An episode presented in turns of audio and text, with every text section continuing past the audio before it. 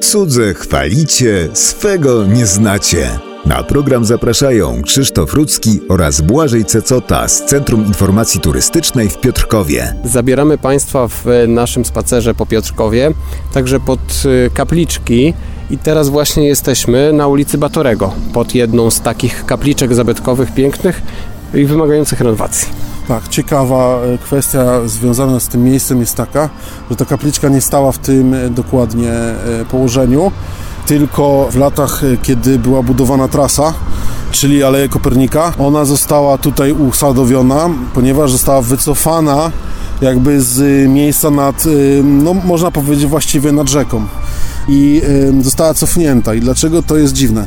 Dlatego, że zgodnie z przekazami takimi ludowymi, legendami miejskimi, ta kapliczka jest związana podobnie jak jedna z kapliczek obok cmentarza rzymskokatolickiego, e, całkiem niedaleko tam obok ulicy Wiejskiej, e, jest związana z najazdami Szwedów na Piotrków.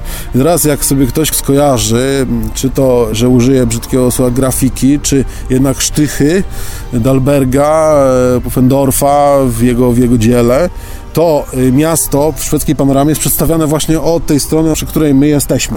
Od strony ulicy, no dzisiaj ulicy Batorek. No być może jest to faktyczny dowód na to, że tutaj ta część wojsk y, operowała i część tych Szwedów, którzy tutaj atakowali, ginęła i oni byli bezpośrednio tutaj chowani, ale czy ktoś by wpadł na pomysł, żeby bezpośrednio nad rzeką stworzyć takie miejsce, ciężko powiedzieć. Najpierw był krzyż, na pewno protestancki, postawiony, potem zmieniła swój charakter z protestanckiego miejsca pamięci, z ewangelickiego miejsca pamięci, luterańskiego na katolickie miejsce pamięci. No i niektórzy do tego dodają oczywiście takie dziwne opowieści, że to było specjalnie zrobione w ten sposób, że ta kapliczka powstawała katolicka.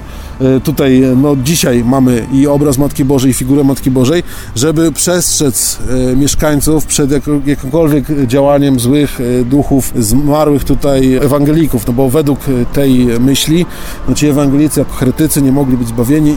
Natomiast to jest taki dodatek, jakby miejska legenda do, do faktycznego powodu powstania tego miejsca. To znaczy miejsce ewangelickie przemienia się w pewnym momencie, kiedy mieszkają w większości katolicy w miejsce katolickie lub odwrotnie, miejsce katolickie, kiedy mieszkają tam ewangelicy, a nie katolicy już, przemienia się w ewangelickie.